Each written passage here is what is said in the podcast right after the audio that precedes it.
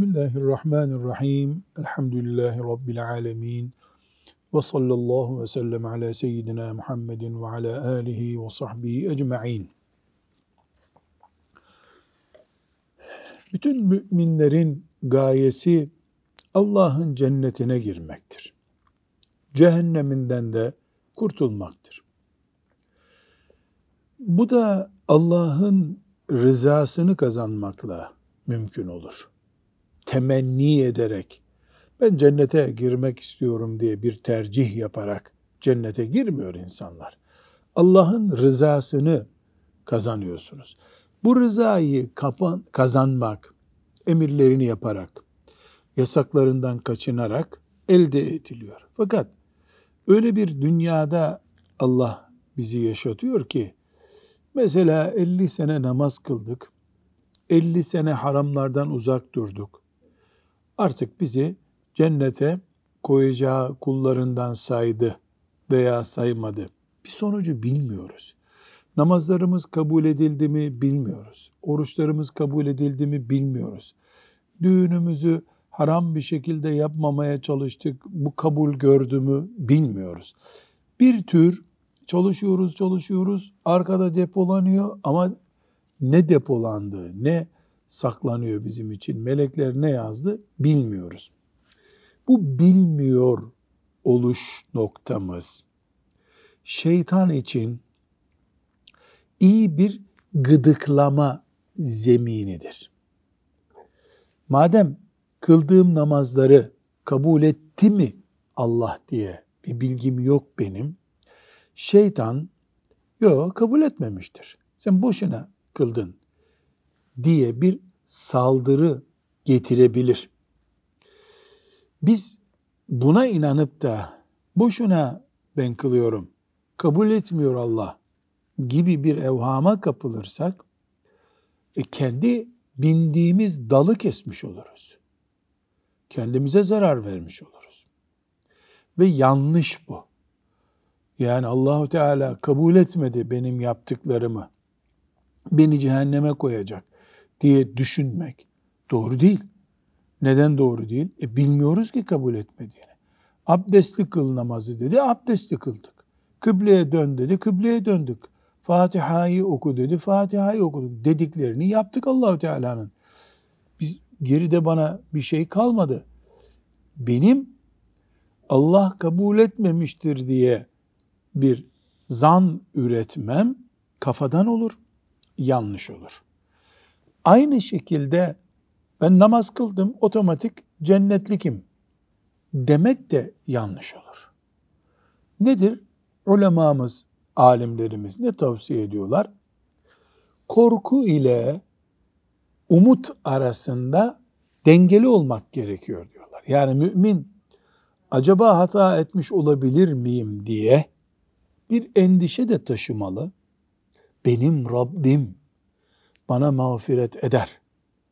Ben becerebildiğimi yapıyorum diye de bir umut taşıması lazım.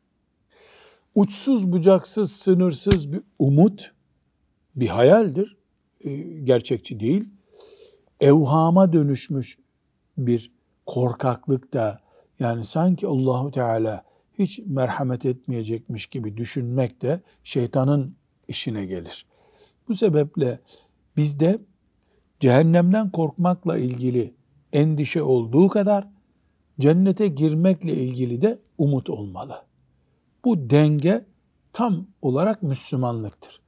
Bu denge bozulduğu zaman yani kuru bir umut ve çökerten bir korku olduğu zaman elimizdeki Müslümanlık gider. Yaptıklarımızı biz bile e, boşa geçirmiş ol, olarak görürüz yani bindiğimiz dalı kesmiş oluruz. Neuzubillahi Teala. Nebevi rahmetullahi aleyhi bu bölümde Allahu Teala'dan umut var olmayı yani beni Rabbim mağfiret eder, beni cennetine koyar, ben rızasını kazanan kullardan olurum diye umut bağlamayı bize aşılayan ve örnek olaylardan oluşan hadisi şerifler getirmiş. Çok önemli bir bölüm bu bölüm. Yani mümin umutsuz kalmayacak. enerjisiz kalmayacak demek gibi bu. Ne enerji çarpmasına uğrayacağız ne de enerji seviyemiz aşağılara düşerek hareketsiz hale getirecek. Ortasını bulacağız. Ee, bununla ilgili 20'den fazla hadisi şerif almış buraya. Bu hadisi şeriflerden her birinden farklı bir mesaj çıkacak bize. Şu noktaya dikkat edeceğiz. Umudumuz güçlü olsun diye. Her zamanki gibi tabii Peygamber Efendimizin hadisi şeriflerinin aleyhissalatu vesselam en önemli özelliklerinden biri bir satırın içinde vereceği birden fazla mesajlar çıkar. Şimdi mesela bu hadislerden umutla ilgili bilgiler alacağız ama başka konularda çıkacak. Hepsinden de inşallah istifade edeceğiz. Önce ayeti celileler almış Nebevi rahmetullahi aleyh. Bu ayetleri e, okuyalım. Yani önce hangi ayetleri getirmiş buraya? Ümit var olacağız. Allah'tan umudu kesmek yok. Müslüman umutsuz olmaz. Son dakikasında da umutlu, hacca giderken de umutlu, hatta günah işleyip günahından tövbe ettiği zaman da umutludur mümin. Umut bizim enerjimiz. Bunu Zümer suresinin 53. ayetinin mealinde Hafız Salih okuyalım. De ki, ey nefislerine karşı haksızlık yapmakta aşırı giden kullarım, Allah'ın rahmetinden ümit kesmeyin. Allah bütün günahları bağışlar. Çünkü O bağışlayıcıdır, merhametlidir. Evet. Allah'ın rahmetinden umut kesmeyin diye emretmiş Allahu Teala. Emretmiş. Dolayısıyla bu emri çok açık Allah'ın. Nefislerine karşı haksızlık yapanlar ne demek? Yani kendi kendini cehenneme hazırlayanlar demek. Ya da ne demek? Günahkarlar demek. Ey günahkar kullar diye de anlayabiliriz bunu. Yani Allah'ın e, azabını hak görüyorsunuz, rahmetini de hak görün. Allah suç işleyeni azap ettiği gibi tövbe edenin de tövbesini kabul ediyor. Bunu da unutmayın demek oluyor ayeti celile. Sebe suresinin 17. ayetinden almış. Biz nankörlük edenden başkasını cezalandırır mıyız? Ne demek? Nankör olmayan kul cezalandırılmaz demek. E nankör kimdir? allah Teala'nın nimetlerini yok kabul eden, şeriatını yok sayan nankör odur. Evet. Bir sonraki e, ayeti celile Taha suresinin 48. ayeti mealini okuyalım. Gerçekten bize vahyolundu ki azap yalanlayan ve yüz çevirenleredir. Azap. Yani Allahu Teala'nın cehennemi Allah yoktur haşa. Şeriatı yoktur. Namaz yoktur. Oruç yoktur. Faiz serbesttir. Diyenlere ceza var. E mümin yanlış iş yaparsa e, tövbe kapısı açık tövbe eder. Biiznillahü Teala tövbesinden kurtulur. Kafir yani cehennem yoktur, cennet yoktur diyen ve böylece kafir olan birisinin tövbesi yok mu? Var tabi. Onun tövbesi de ne? İman edecek. İman edince Allahu Teala geçmişini mağfiret buyuruyor. Ve bu konudaki adeta temel kanunu Allahu Teala A'raf suresinin 156. ayetinde koymuş. Rahmetim her şeyi kuşatmıştır. Ve rahmeti vesiat külle şeyin. Allah rahmetim her şeyi kuşattı buyuruyor. Rahmetim her şeyi kuşattı. Ne demek her şeyi kuşattı? Yani Allah'ın affetmeyeceği bir şey yok tövbe etmiyor ediyorsan eğer. Allahu Teala'nın rahmet etmeyeceği kulu yok. Hayvanlar bile Allah'ın rahmetinden istifade ediyorlar. Dereler öyle şakırdıyor. Dağlar Allah'ın rahmetinin gereğidir. Her halükarda mümin Allah'ın rahmetiyle her şeyi kuşattığı bir dünyada yaşadığını bilecek. O rahmeti kazanmak için uğraşan kullarından olacak. Evet. Şimdi 413. hadisi şerife geldik. Bu hadisi şerifi e, hadis-i şerifin mealini dikkatlice dinleyeceğiz. Rahmetin, mağfiretin nasıl umut kaynağı olduğunu mümin insan için göreceğiz. Ubade İbn Samit radıyallahu anh'ten rivayet edildiğine göre Resulullah sallallahu aleyhi ve sellem şöyle buyurdu. Kim Allah'tan başka ilah yoktur. Yalnız Allah vardır. Ortağı yoktur. Muhammed Allah'ın kulu ve Resulüdür. İsa da Allah'ın kulu ve elçisi. Meryem'e bıraktığı kelimesi ve Allah tarafından hayat verilen bir ruhtur. Cennet haktır ve gerçektir. Cehennem de haktır ve gerçektir diye şehadet ederse Allah o kimseyi ameli ne olursa olsun cennete koyar.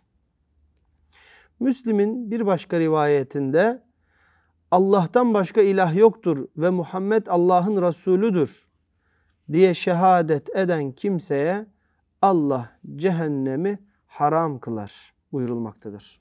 Evet şu yukarıda kim Allah'tan başka ilah yoktur, yalnız Allah vardır, e, şeriki yoktur yani ortağı yoktur, Muhammed Allah'ın kulu ve Resulüdür cümlesine biz kelime-i şehadet diyoruz. Eşhedü en la ilahe illallah ve eşhedü enne Muhammeden abduhu ve resulü.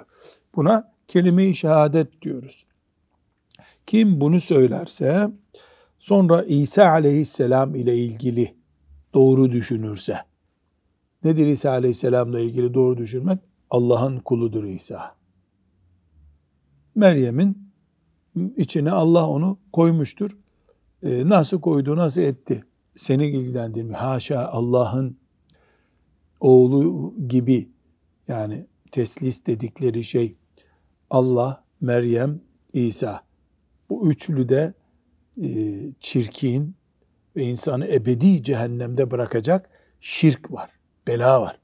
Bundan uzak durursa, cenneti ve cehennemi hak görürse, onu Allah cennete koyar. Ameli ne olursa olsun. Ne demek ameli ne olursa olsun? Ya kul böyle temel, sağlam imanla inandıktan sonra ufak tefek camlar kırar. Kul bu neticede. İşte 50 senelik ömründe 3-4 defa namazını kazaya bırakar. Sonra kaza eder. Bir gün Ramazan-ı Şerif'te yanlışlıkla su içer. Bu tip şeyler insanda olur. Önemli olan temelinde böyle sağlam bir iman var mı? Varsa ne güzel. Bu hadisi şerif niye buraya kondu ilk hadis olarak bu bölümde? Bir umut veriyor. Ne umut veriyor? Kelime-i şehadetin, cennet cehenneme imanın sağlamsa, yol esnasında ufak tefek hararet yaptın, yanlış işler yaptın, ya bunlardan korkma. Bu bir umuttur. Zaten insanlar böyle sağlam bir umut bulmasalar kimse namaz kılmaz. İblis bu yarışı kazanır. Niye kazanır? Çünkü insanlar benim de namazım kabul olur. Benim de orucum kabul olur. Benim de sadakam kabul olur. Benim de kestiğim kurban kabul olur. Umuduyla bir iş yaparlar. Bu hiç kabul olmayacak diye düşünürse insan niye ibadet yapsın?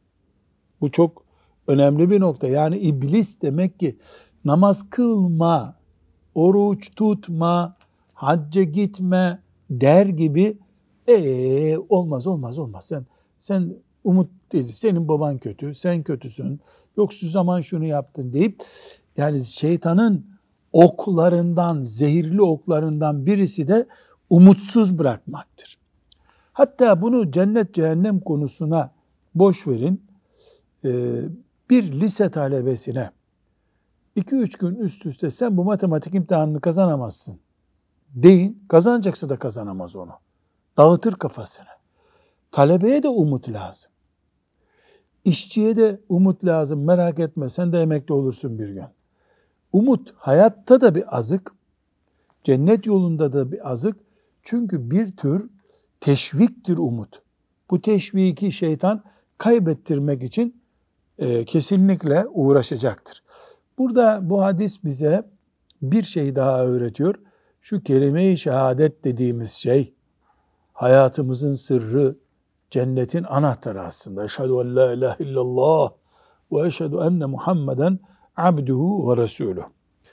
Ee, başka bir mesele daha var hadis-i şerifte. İsa aleyhisselam sıradan bir insanın adı değil.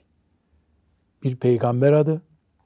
Peygamberlerden ilk beşte bulunan bir isim ve yaratılış tarzı itibariyle, Allah'ın onu oturttuğu konum itibariyle de bir tane. Bir tane. Ve cennete, cehenneme iman etmedikçe, cennet var, cehennem var demedikçe umut etme hakkı da yok kimsenin demek ki. Burada bir mesele daha geçiyor. Bu çok önemli. Büyük günahlar dediğimiz günahlar ne olacak? Yani şarap içen de mi bu umudu taşıyacak?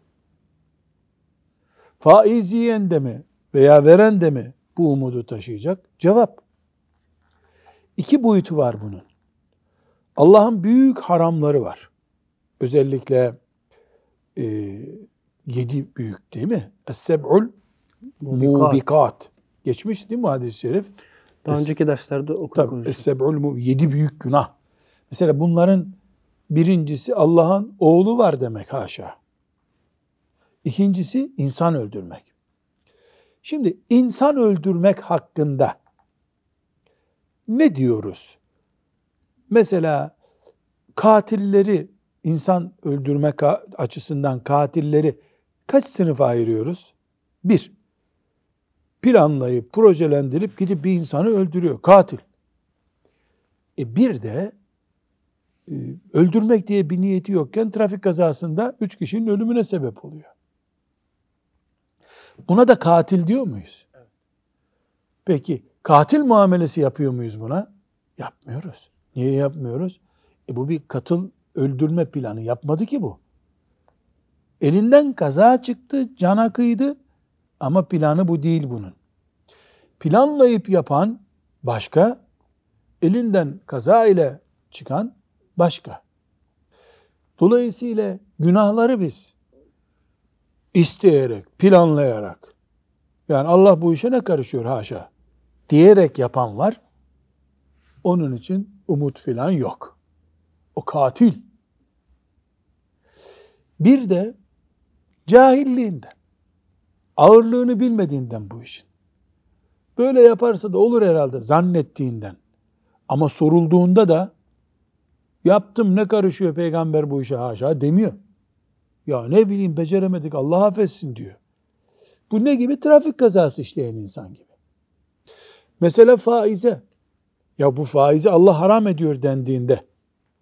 e Nesini haram ediyor ki? Nasıl biz o zaman ticaret yapacağız? Haşa. Dediğinde insan ona ne diyoruz? Sen katilsin.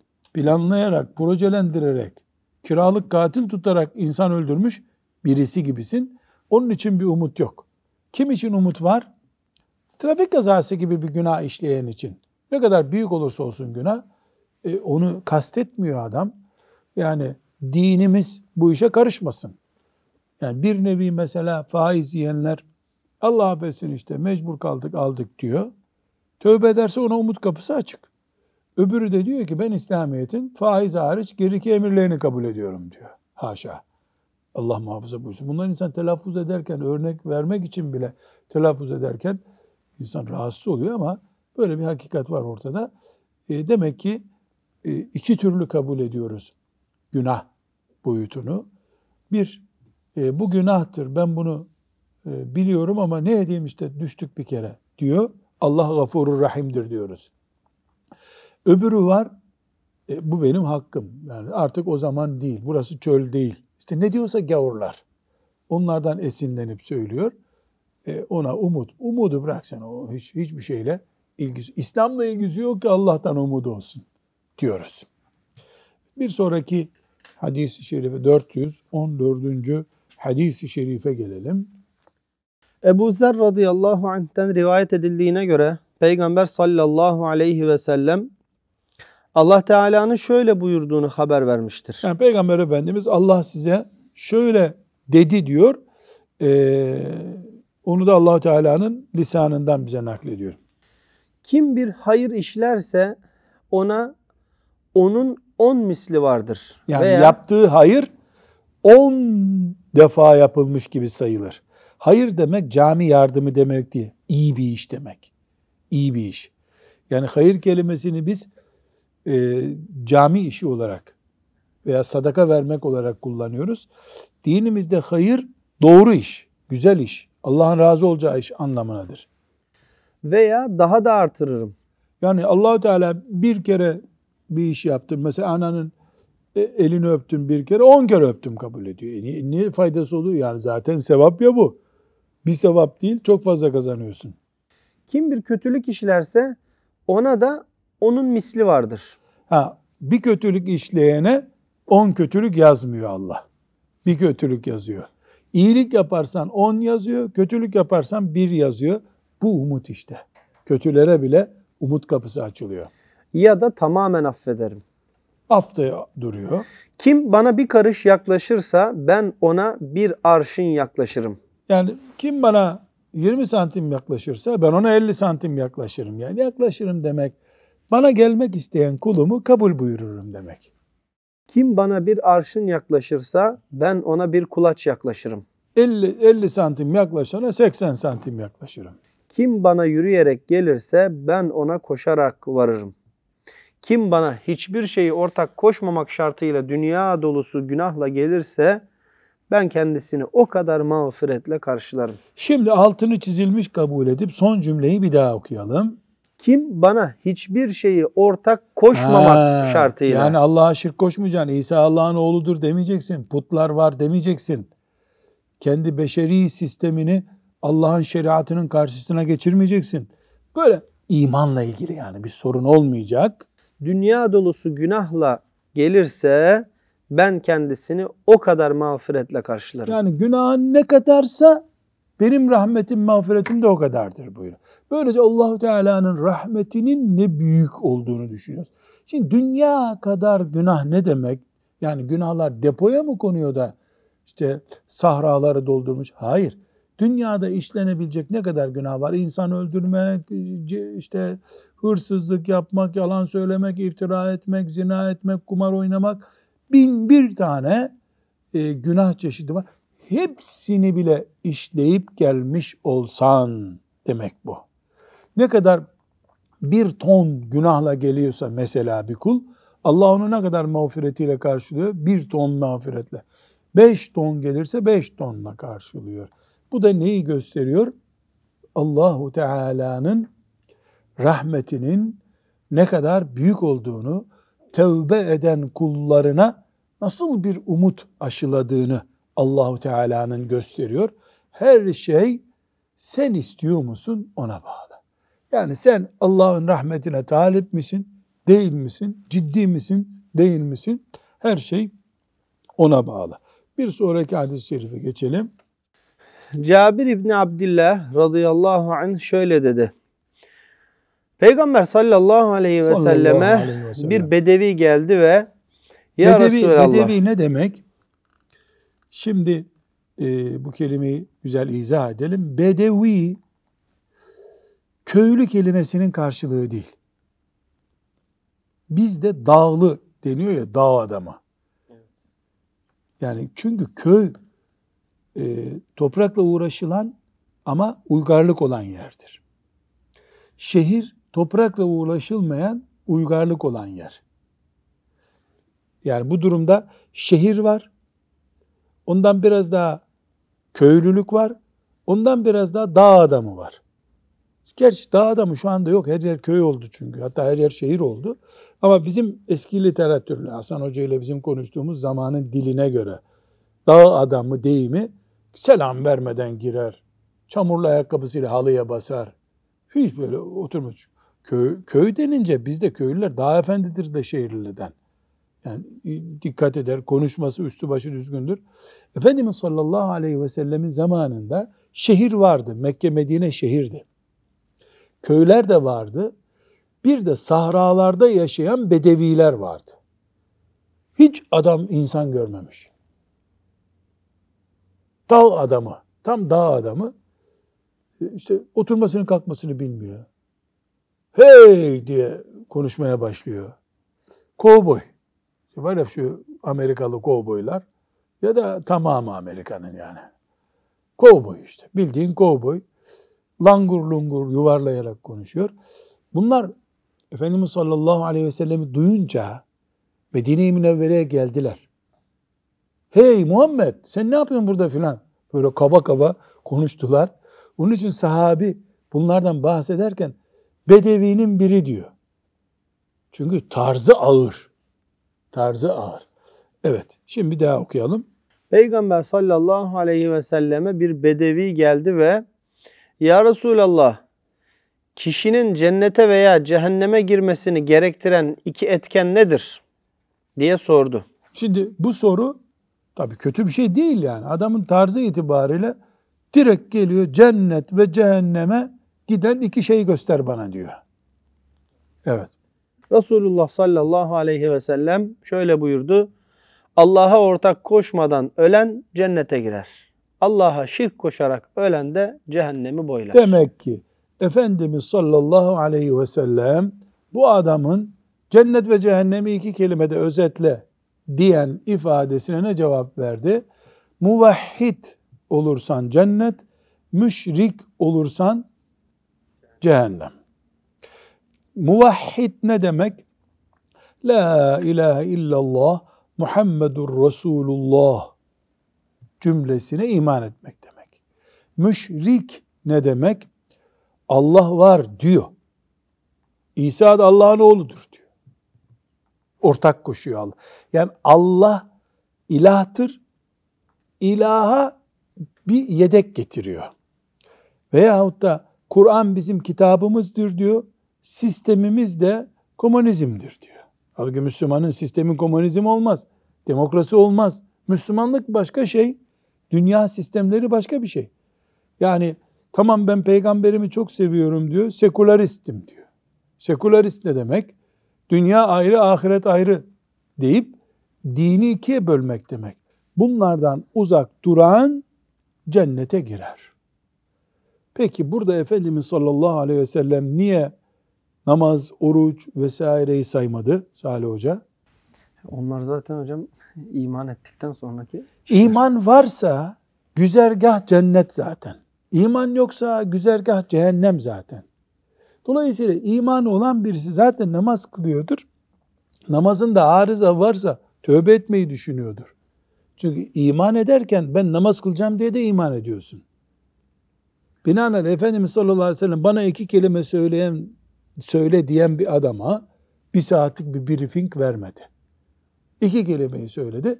Adam ondan sonra oturup ne öğrenecek? E ben madem tevhid ehliyim, muvahhidim herhalde namazda kılacağım diyecek diye düşündü Efendimiz sallallahu aleyhi ve sellem.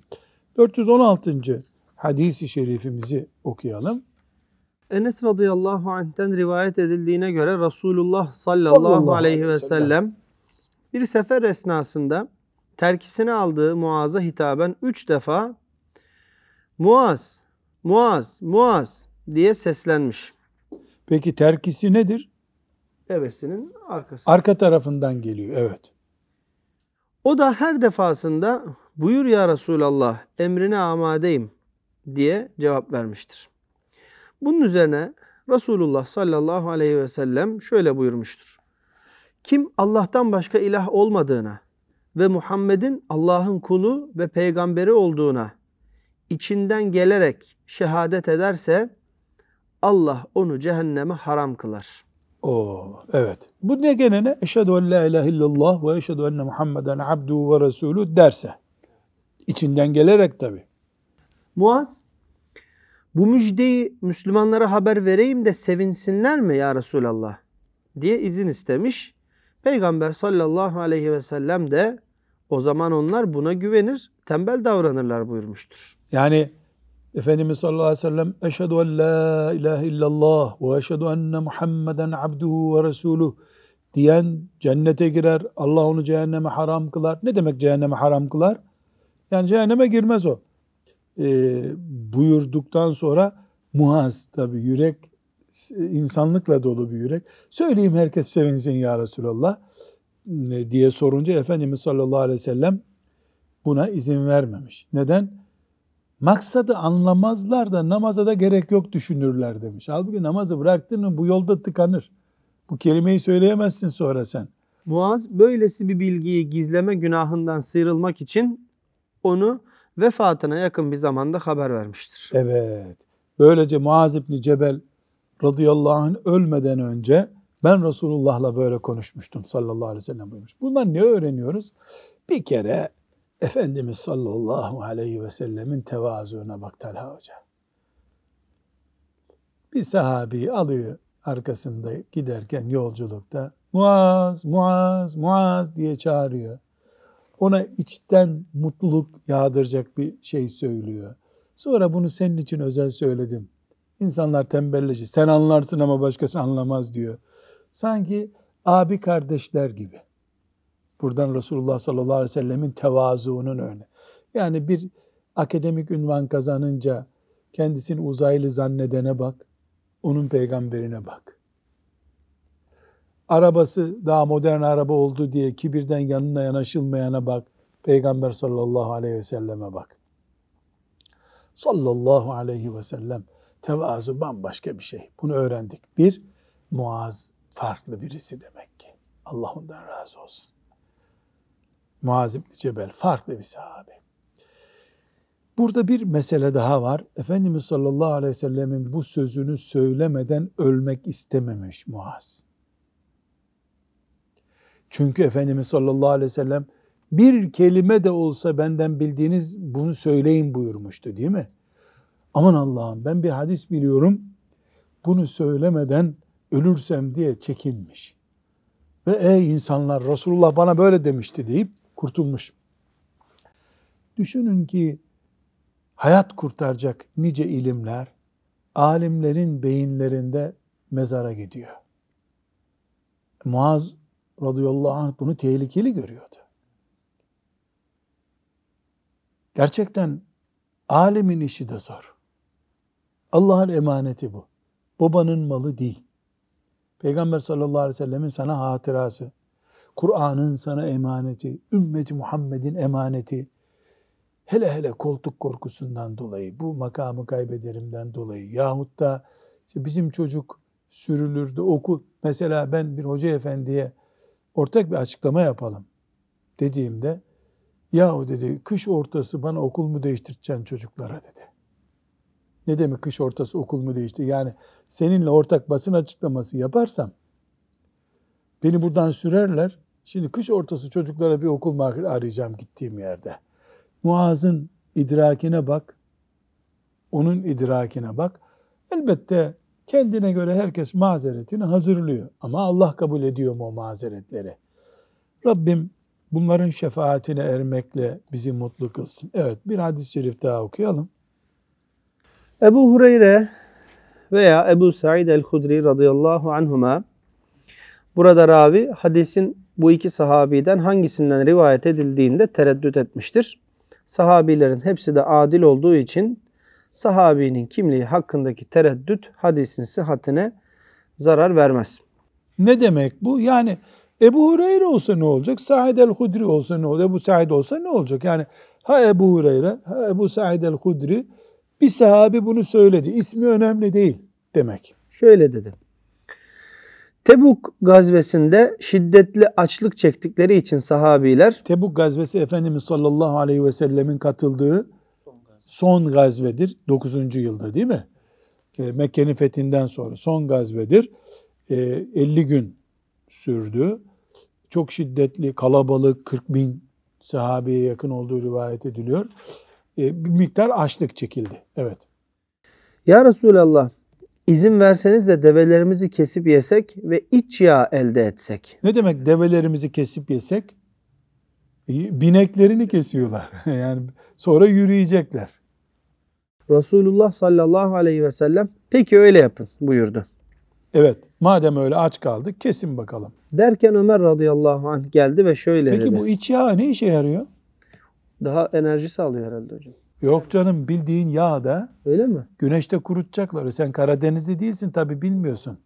Karadenizli olsan bilirdin. İç yağ güneşte kurutulur.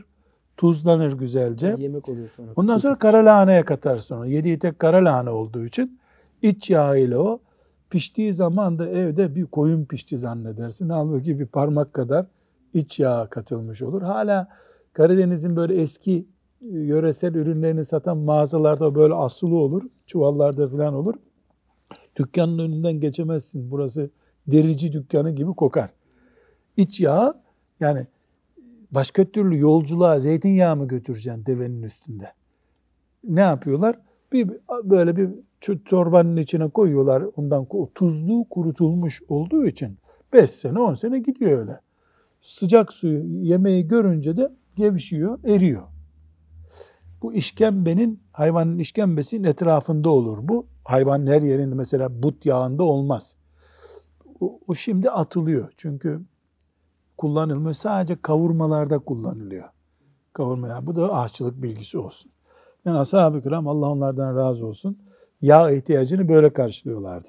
Derken Ömer radıyallahu anh geldi ve şöyle dedi. Yani bu olay oldu. Tamam kesin hayvanları buyurdu Efendimiz. Ya Resulallah eğer sen develeri kesmelerine izin verirsen orduda binek azalır. Fakat isterseniz onlara ellerinde bulunan azıklarını getirmelerini emrediniz ve sonra da ona bereket vermesi için Allah'a dua ediniz. Umulur ki Allah bereket ihsan eder. Şimdi kıtlık var. Orduda ne? Ordu 40 bin kişi. Herkesin işte çuvalları var. Çuvalında ekmekler vardı, buğday vardı, un vardı. Orada dövüş yemek yapıyorlardı. Bu yolculuk 40 gün sürünce yaklaşık sonra da 10 gün kaldı. Bitti. Bitince mesela benim şeyimde bir ekmek yapacak kadar buğday kalmadı artık. Un kalmadı. Seninkinde yağ kalmadı. Seninkinde işte filanca malzeme kalmadı. Ömer ne diyor radıyallahu anh? Böyle bu hayvanları kesip ortada kalacağız biz. Onun yerine ya Resulallah herkeste ne kadar kaldıysa mesela bir avuç kaldığı için ekmek olmaz diyorsun sen. Sen getir sendeki bir avuç kocaman olsun. Sen de dua edersin Allah bereket verir diyor. Bireysel bakıldığında hakikaten bir şey kalmadı. Toplarsak bunları e sen de dua edersin buyurdu Efendimiz sallallahu aleyhi ve sellem. Evet devam. Bunun üzerine Resulullah sallallahu aleyhi ve sellem peki öyle yapalım buyurdu ve deriden bir yaygı getirtip serdi. Yani, yani bir şey açtılar sofra bezi diyelim. Sonra da elde mevcut erzakın getirilmesini emretti. Herkes neyi varsa getirsin buyurdu. Askerlerden kimi bir avuç darı, kimi bir avuç hurma ve kimi de ekmek parçacıklarını getirdi. Yaygı üzerinde gerçekten pek az bir şey birikmişti. Ama buna rağmen gene bir şey birikmedi. 40 bin kişiden. Resulullah sallallahu aleyhi ve sellem bereket vermesi için Allah'a dua etti ve sonra kaplarınızı getirip bundan alınız buyurdu. Yani kap dediğine işte çuvallar neyle saklıyorlardıysa onları. Askerler kaplarını doldurdular. Öylesine ki doldurulmadık bir tek kap bırakmadılar. Sonra da doyuncaya kadar yediler. Yine de bir hayli yiyecek arttı. Evet bu ne sayesinde oldu? Efendimiz sallallahu aleyhi ve sellemin duasının mucize olarak tecelli etmesi sayesinde oldu. Bunun üzerine Resulullah sallallahu aleyhi ve sellem şöyle buyurdu. Allah'tan başka ilah olmadığına ve benim Allah'ın Resulü olduğuma şehadet ederim. Allah'ın birliğine ve Muhammed'in peygamberliğine şüphesiz inanmış olarak Allah'a kavuşmayan kimse cennete girmekten mutlaka alıkonur. Evet sorun da burada yani bu bizim bu hadisin buraya alınmasının sebebi bu. Efendimiz sallallahu aleyhi ve sellem kelime-i şehadetin oradaki ağırlığını bize tembih etmiş oluyor. Bu hadisi şerif evvela bir, Müslümanın hayatında istişare olur. Bunu anlatıyor. Geliyor bir sahabi bir sıkıntısını anlatıyor. Efendimiz sallallahu aleyhi ve sellem ona evet diyor. Ömer geliyor müdahale ediyor. Ya Resulallah diyor. Bu böyle olursa şöyle olur diyor. Kafadan kafaya, akıldan akıla farklılık olunca sonuç ortaya. Bu istişare önemli. Bu hadisi istişare bölümünde bulamayız. Ama istişare sonucu buradan çıkıyor. İki, Resulullah sallallahu aleyhi ve sellemin tevazuuna bak. Ömer biz açıklamamızı yaptık bir defa dese Ömer ona bir şey diyecek miydi? Ayağını öpüp gidecekti belki de. Ama tevazuya bak. Doğru Ömer öyle yapınız. Demin öyle yapınız buyurmuştu. Şimdi öyle yapınız. Büyük bir tevazu var burada. E, Efendimiz üçüncü mesele bu Tebuk gazvesi Resulullah sallallahu aleyhi ve sellemin bizzat kendisinin e, katıldığı son savaştır. Son gazve. Efendim, ondan sonra Efendimiz sallallahu aleyhi ve sellem Medine'nin dışına hac etmek için çıktı. Başka çıkmadı. Binaenaleyh Tebuk gazvesinin böyle bir hatırası. Dört, bereket bu ümmette örneklendirilmiş bir sonuçtur. Duada bereket getirir. Neden? Çünkü oradaki olay neydi?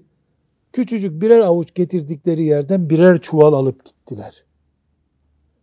Ve bir hayvanın derisi ne kadar olur? Şöyle bir halı kadar bir şey olur en fazla değil mi? Oraya 40 bin kişinin eşyası konduğunda ne olacak burada yani? Fakat oradan çuvallarını doldurup kaplarını doldurup gittiklerine göre Efendimiz sallallahu aleyhi ve sellemin duasının bereketiyle orada bir mucize gerçekleşti. Demek ki bu ümmet berekete inanır. Bu berekete inanmayan zaten ayet hadisede inanmıyor demektir. Ve beş, Allah'tan umutlu yaşamak Müslümanlık gereğidir. Altı, Müslüman düşündüğü şeyi söyleyen insandır. Başkasının düşüncesini dikkate alan insandır. Biz ümmetiz, şura yani istişare ümmetiyiz. Bu hadiste bunu ne yapmış oldu? Bize izah etmiş oldu. Sallallahu aleyhi ve sellem ala seyyidina Muhammedin ve ala alihi ve sahbihi ecma'in velhamdülillahi rabbil alemin.